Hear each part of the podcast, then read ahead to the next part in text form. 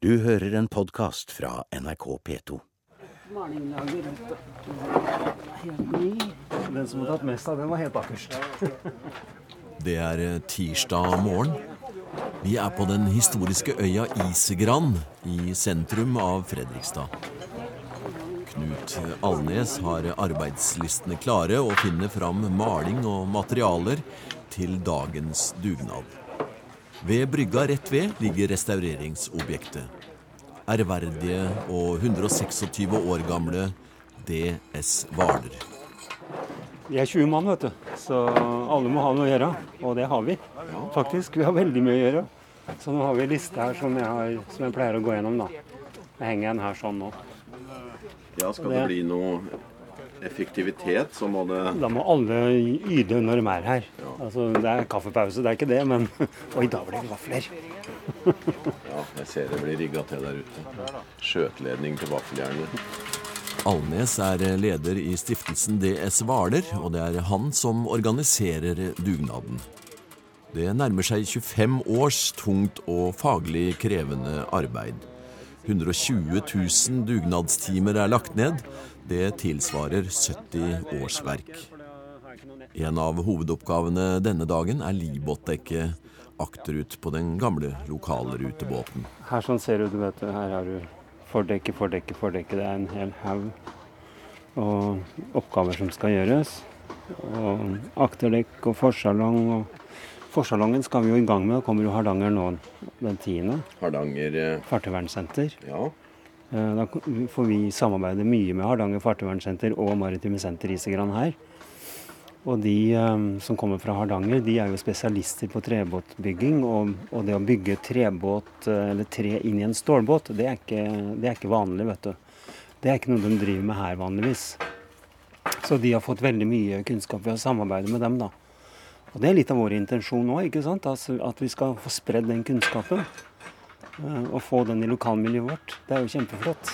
Ja da, det går veldig bra. Ser det blir jo båt av dette. Ja, ja det, nå begynner det liksom virkelig å dra seg sammen. Men eh, jeg har snakka litt med Lars, og han sliter med ryggen. Vi har jo vært veldig heldige når vi har gjennomført vårt prosjekt. ikke sant? For vi har et, eh, et lag, et dugnadslag her, som består av fagfolk fra det gamle FMV i Hvor båten til og med er bygd. Hvor båten til og med er bygd, og som kjenner eh, stålarbeider, og som kjenner trearbeider.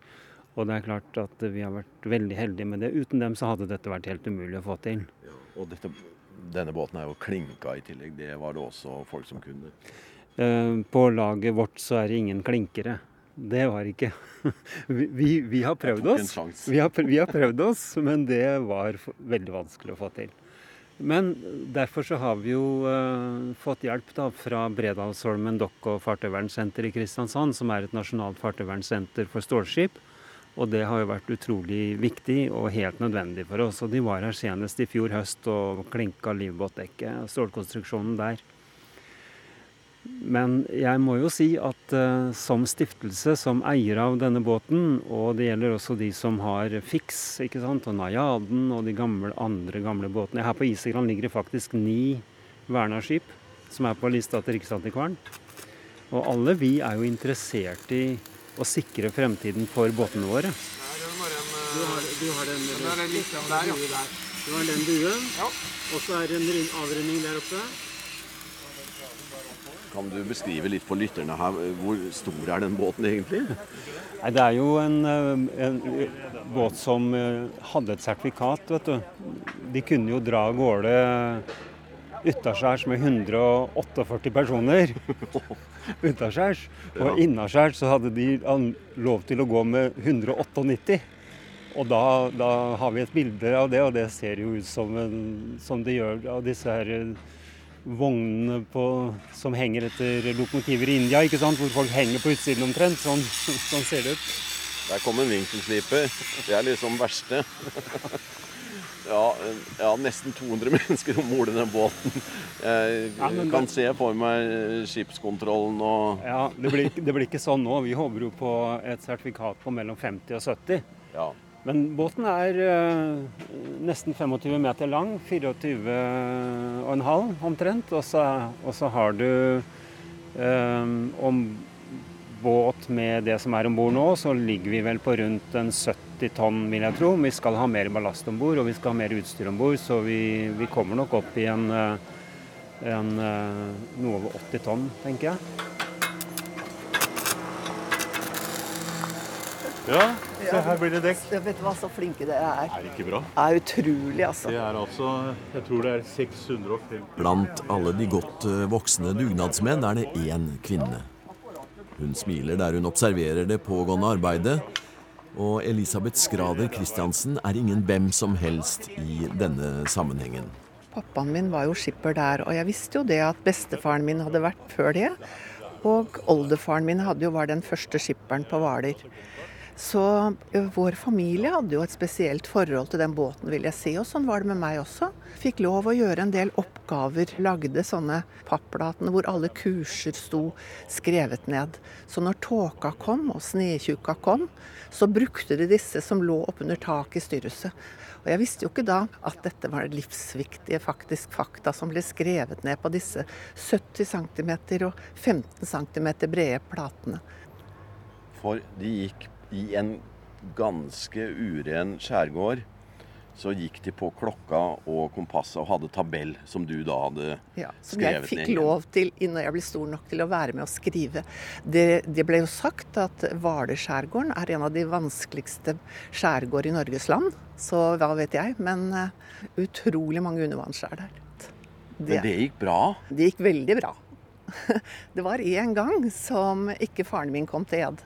Broren min og jeg vi gikk ned for å møte han, og tåka sto som en vegg. Og vi hørte båten, vi kjente jo så godt den duren. Og vi hørte båten kom. Nå kommer den, for det gjorde han jo alltid. Og så hørte vi at han brukte fløyta, for det var et skjær der ute som heter Røsskjær, som han skulle høre eh, gjenklangen i, eller ekko i. Og han tuta flere ganger, og plutselig så ble alt helt stille. Og vi løp gråtende hjem til moren min. Det var jo ikke noen mobiler eller noen ting. Og vi visste ikke hva som hadde skjedd. Men da fortalte faren min meg dagen etter at den tåka sto som en vegg, og de skulle ha det ekkoet i Røskjær. Og det fikk de ikke, fordi at motoren hadde ikke hatt nok omdreining. De var ikke på det stedet til rett tid. Da måtte de kaste ankeret. Så den, akkurat den ene gangen kom ikke faren min til led. Og det er det eneste gangen jeg vet om. Det er utrolig å høre. I dag har den minste båt GPS som eh, navigerer på én meters eh, presisjon. Og du snakker om disse tabellene. Da måtte de kjøre en viss hastighet på en ja, viss kurs så og så lenge. Da var de på ett punkt, mente de. Ja. Og så i tillegg da bruke fløyta for ja. å høre ekko. I et lite skjær. Det var ganske fantastisk.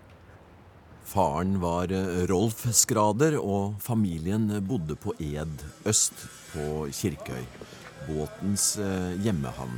Det var jo fire båter som gikk til, fra Hvaler til byen, som jeg kan huske. Eh, det er det tidligste jeg kan huske. Det var vel Husker tidligere. du navnene på dem, eller? Ja, det gjør jeg. Det var jo da Kirkøy, som jeg brukte, som gikk fra Ed klokka sju, for Hvaler gikk klokka seks. Og så var det Hvaler, og så var det Vesterøy, og så var det Skjærhallen. Det var de fire.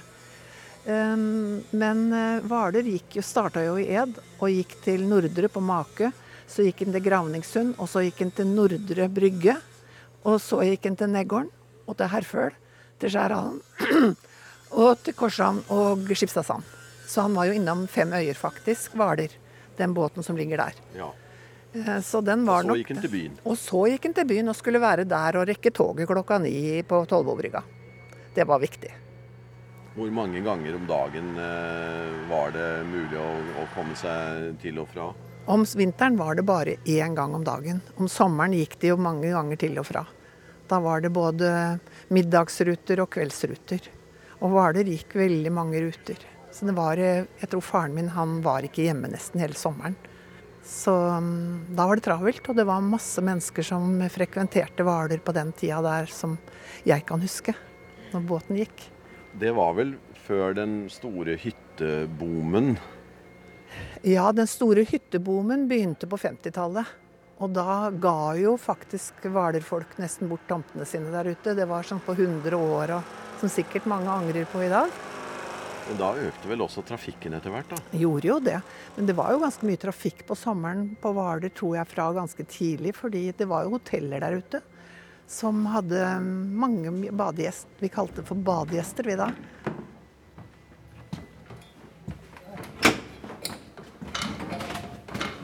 Ja, nå fotograferer Riksantikvaren resultatene eh, så langt. Det er jo kommet betydelige midler eh, derfra, E- Erik Småland. Hva, hva syns du om det du ser? Jeg syns det ser veldig bra ut. Vi er godt om bord og nede under dekk, helt fram til eh, mannskapslugarene. Erik Småland fra Riksantikvaren fotograferer og diskuterer med prosjektleder Knut Alnes. Riksantikvaren har bevilget mange millioner kroner opp gjennom årene for å gjenreise DS Hvaler. Det blir så nøyaktig slik som det var som det er mulig å få til, og det er jo det som er, er målet her, selvfølgelig. Fartøyvernet er jo eh, i Norge følger prinsippet om vern gjennom bruk. Eh, og Det betyr jo også at alle prosessene som et fartøy i bruk er utsatt for, fortsetter. Forfall, slitasje, alt dette. Og eh, noe som igjen betyr at vi må også ta vare på kunnskapen om eh, reparasjon og vedlikehold for å kunne ta vare på fartøyene. Og for å være sikker på at dette også er riktig, så, så kaller vi fartøyvernet for prosessautentisk dokumentert vern. Altså vi må hele tiden dokumentere det vi gjør, sånn at våre etterkommere kan eh, ha muligheten til å eh, sjekke om eh, våre vurderinger holder mål, og eventuelt eh, reversere våre inngrep dersom de eh, underkjenner våre resultat. Så Det er liksom prinsippet i det. Så fartøyvernet er en kontinuerlig prosess. Og vi må hele tiden sjekke det som skjer opp imot de historiske fastpunktene som vi, eh, vi har. Og i dette tilfellet så finnes det jo en masse gamle foto fra ulike tidspunkt av båten. Og også fra interiøren, og det er veldig sjeldent. Det henger nok sammen med at eh, fartøyet var i bruk såpass lenge, opp til 1979. Ja. Som på en måte er et slags sånn 79-80. Da går nesten alle de gamle lokalbåtene i hele landet ut av bruk. De siste rutene de slutter liksom da. Vi har en mengde fartøy som, eh, som eh, gikk ut av rute i sånn 79, som er tatt vare på. For de holdt ut så lenge at det var mulig å gripe tak i dem, og interessen var kommet opp osv. Og da var gjerne dette genererte lokalstoff i avisene, og fotografer kom om bord og tok litt bilder i disse båtene som nå var blitt nostalgi og skulle ut av rute osv. Og det kan vi Det er et fantastisk stoff for oss i dag, selvfølgelig, for det gir et historisk fast punkt som gjør at vi kan få, få det riktig. For uh, de, alle disse båtene må De må som regel ha ganske stor jobb for å løfte de opp igjen.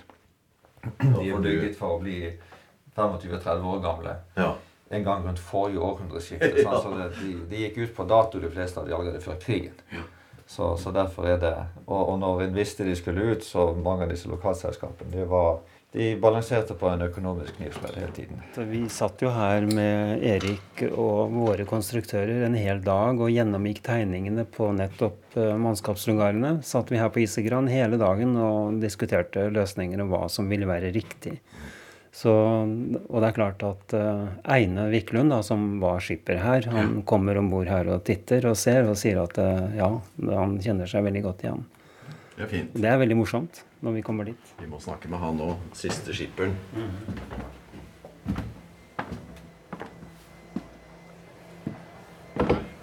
Eh, Hvorfor er dette her et, et viktig prosjekt? Ja, Det er mange grunner til.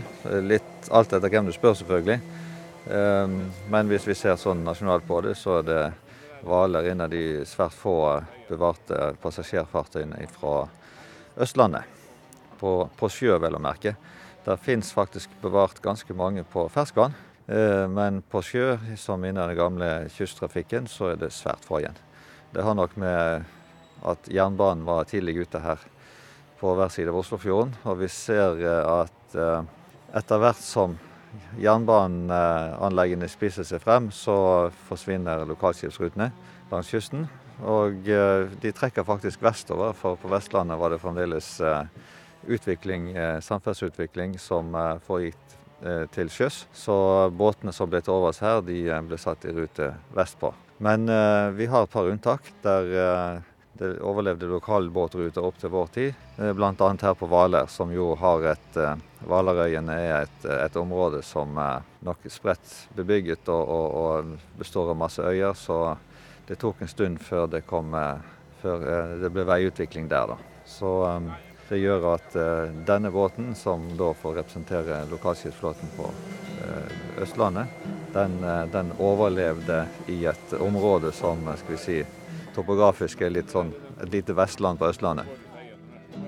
Brygga i Bergen, der ligger det en båt.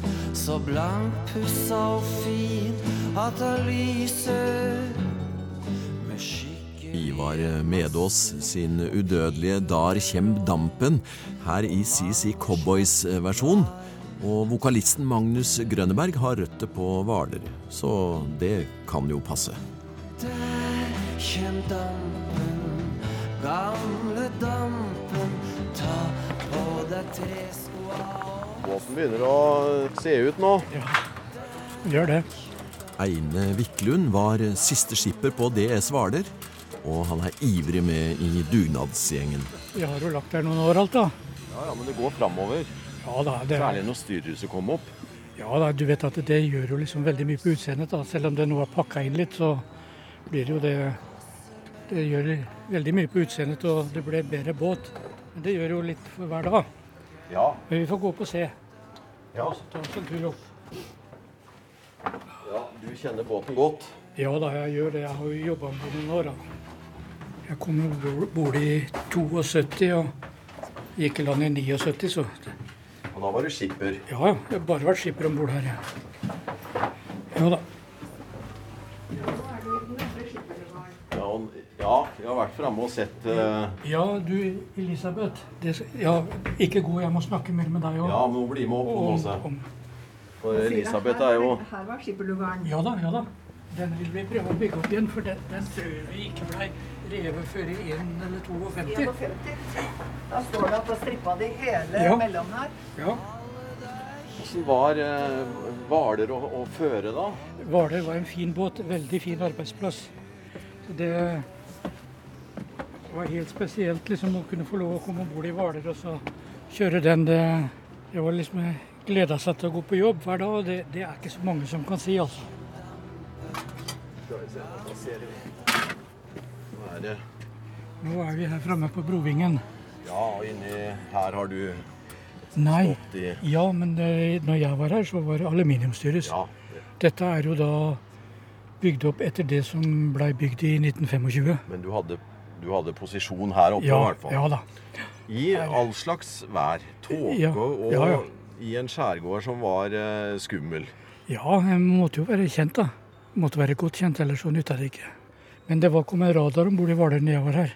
Den kom jo om bord i Hvaler i 1968. Nettopp. Og da gjorde det stor forskjell, da. Men Du har frakta fastboende og eh, badegjester, som en bruker som begrep på Hvaler. Eh, Vet eldre folk gjør det fortsatt. ja, ja da. Eh, Til og fra Fredrikstad og ut til øyene. vi kjente jo ofte de faste passasjerene, vet du. Og ofte badegjestene også, for at den, vi snakka gjerne litt med dem underveis. Eller når de gikk om bord i byen. Det, Ja. det var det en del av jobben, det å prate med folk og i det hele tatt se etter at passasjerene hadde det bra og følte seg vel. I denne sammenhengen så, så har jo jeg erfaring med, med Hvaler. Jeg hadde tante og onkel på Herføl, den ytterste plassen. Ja. Og kan eh, huske hvalfarten valfarten ned når eh, det nærma seg anløpstid for hvalebåten, og vi sto på Dampersbrygga. Ja. Og der var det fullt av både fastboende og badegjester som venta på noen, eller noen skulle reise, og så kom posten. Ja. Og, og så kom brød, og så hørte vi dem sa nå er nede på Skjærhalsfjorden. Ja da, de og den legendariske det- lyden fra hvalbåten, den har jeg i huet Ja. eh, fortsatt. Men du var jo da på eh, denne siden. Hvordan opplevde du det? Nei, altså jeg opplevde jo det at det var alltid folk på brygga, og de møtte jo opp i veldig god tid som regel. Sånn gjorde vi helt ifra da jeg var liten. Jeg husker jeg var og så Hvalabåten kom. Vi kunne komme halvtime før.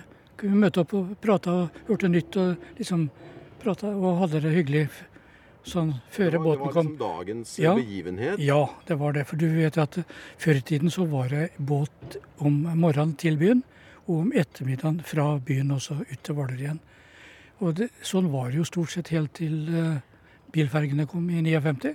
Men på Herføl var det jo mange mennesker, men var det sånn på alle bryggene? At folk ja, kom? Ja, ja, jeg vil si det. Men Herføl var jo spesielt mye, da. Og på Herføl og Negården, vel, så var det veldig mye at de møtte opp, spesielt da i badgjestida. Ja, Nedgården, det er Ja. på Søndre Sandøy. Disse to Sandøyene. Ja. Der var det det samme, kan du si, som borte på Dampers.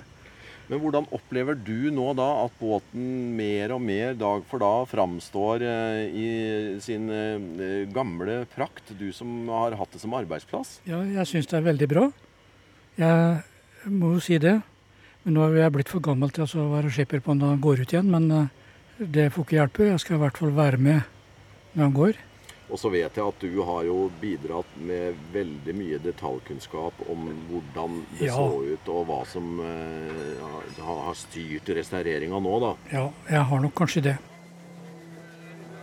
Den brygga, det var en del av livet vårt, vi som vokste opp på Hvaler. Og ikke minst så traff vi alle de andre ungene på, på, i området. Jeg bodde vokste opp på Ed, og da traff jeg alle de andre ungene på Ed, for vi var der. For Ed var et av eh, mange stoppesteder for, for båten som vi står ved siden av nå. Det var ikke bare stoppestedet, det var hjemstedet til hvalbåten. Så um, den um, Vi følte, vi som bodde der på, ved brygga, eller i nærheten av brygga, at den båten var litt vår. Den hørte til der. Hvordan er det for deg å være her nå på Brovingen? Jeg må si at etter at styrhuset kom opp, så syns jeg det ble båt. Den har blitt, eh, Da er det den gamle Hvaler. Den er markant, og så har du pipa med stjerna. Og det er klart at det gjør også sitt. Syns fordekket var litt lite, da. Men i forhold til hvor jeg var liten, så blir jo alt litt mindre. Det er nok helt akkurat sånn som det var. Det er vi helt sikre på, for vi har måla på overbygget. Det er helt akkurat som det skal være. Det blir en veldig bra båt, og det blir kjempespennende å se på fortsettelsen her. Og så er det jo en dugnadshjem som du bare kan drømme om. Ja, Heldigvis har en pause nå. Det har nesten vært umulig å få ordentlig opptak her uten at en vinkelsliper eller en boremaskin eller hamring og, og sveising. Men sånn skal det jo være under en dugnad, selvfølgelig. Ellers så skjer det ikke noe. Ja. Men det her på Vingen er det jo veldig sånn Dette er jo masse minner om dette her. For her var jo også da Her sto faren min når det var mye trafikk for å se hva som skjedde på dekk. Og jeg fikk jo lov å stå ved siden av på Vingen her, på en av disse vingene. Og det var kjempespennende da, når du kom til brygger. Og fikk lov å være med på det, liksom, og se de Ja, for det var jo ikke bare passasjerer og sånn. Det var faktisk eh, matvarer og post og, og viktige ting Ja. dere brakte med. Ja da, det, var, det- det var hovedpulsåra til østre øyene i Hvaler-samfunnet. Ja da, vi hadde jo med oss eh, varer til kjøpmennene utover. Svære brødkasser, og vi hadde melk og bru, masse brus om sommeren, vet du. Det, det var det som vi i dag kaller for stykkos. Om høsten, så Det begynner med når jeg var skipper på båten, da først på 70-tallet, så hadde vi fortsatt litt frukt og grønnsaker med til byen. Til torvkjerringene i byen. Så hadde vi da matvarer og sånt utover igjen. I tillegg til bagasjen til badegjestene, da. Som jeg har forstått det, så var det jo den du sa med post, og at vi hadde et eget postflagg. Det offisielle postflagget. Og det førte Hvaler, fordi det hadde post om bord. Ja, det var litt sånn overraskende for meg å vite at det var eh, nødvendig for å markere at nå kom posten. Hvaler fikk jo rettigheter til å føre post og blei ambulerende brevhus når båten var ganske ny. Sist på 1800-tallet så ble det ambulerende brevhus, som det het. Og fikk vel da eget poststempel også. Og hadde da et lite postkontor om bord her. Returnere det opprinnelige. Båten har jo selvfølgelig vært, hatt modifiseringer og sånn eh, i, i, i båtens lange historie. Hva slags ideal eh, arbeider dere etter nå? Nei, du vet, eh, Det har jo vært en av de store utfordringene. det. Så vi har jo noen bilder Og så har vi ingen gamle tegninger. Vi har noen eh, generalarrangementer opp gjennom åra, men eh, de, det er jo sånne ting som blir forandra. Vi har en avtale på at båten skal bli sånn som man så ut i 1948. Og da hadde det jo skjedd mye med båten fra 1892 og frem til da. Så vår eh, jobb da har vært å finne ut av hva, hva var gjort. Hvordan var Livbåteket bygget, f.eks. 1948, er det tilfeldig valgt, eller? 1948 ble valgt fordi at eh, det var det året båten fikk eh, dieselmotor. Da hadde den gått på damp. Ja. Så, så da ble den bytta ut. Men eh, den originale dieselmotoren, er den om bord, eller skal den om bord? Den fra 1948, den som ble installert da, den fins ikke lenger. Men vi fikk jo en, en motor fra Wärtsilä i, i Trollhättan. Fordi de hadde et museum, og der sto det en motor som var nesten identisk. Og når vi fikk vite det, så tok vi kontakt, og så fikk vi den for en billig penge, faktisk. Utrolig. Ja, veldig flaks. Så lydbildet fra 1948-motoren vil kunne høres Ganske likt, vil jeg anta. Du har hørt en podkast fra NRK P2.